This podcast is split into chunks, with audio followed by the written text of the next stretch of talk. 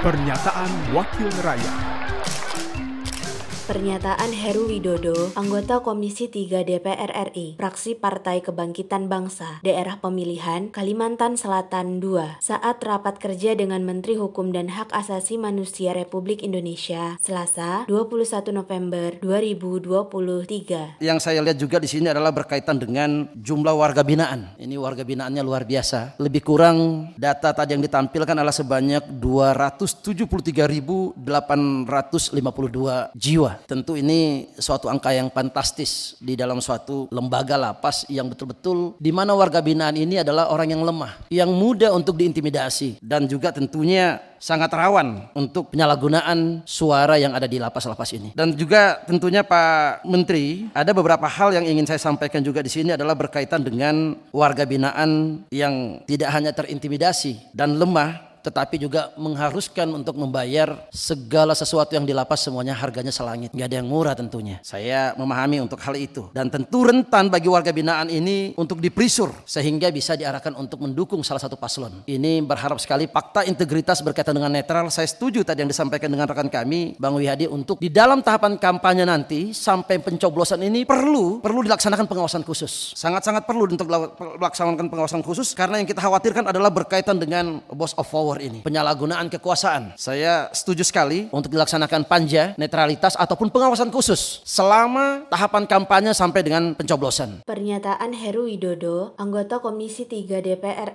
RI, fraksi Partai Kebangkitan Bangsa, daerah pemilihan Kalimantan Selatan 2, Produksi TV dan Radio Parlemen, Biro Pemberitaan Parlemen Setjen DPR RI. Pernyataan Wakil Rakyat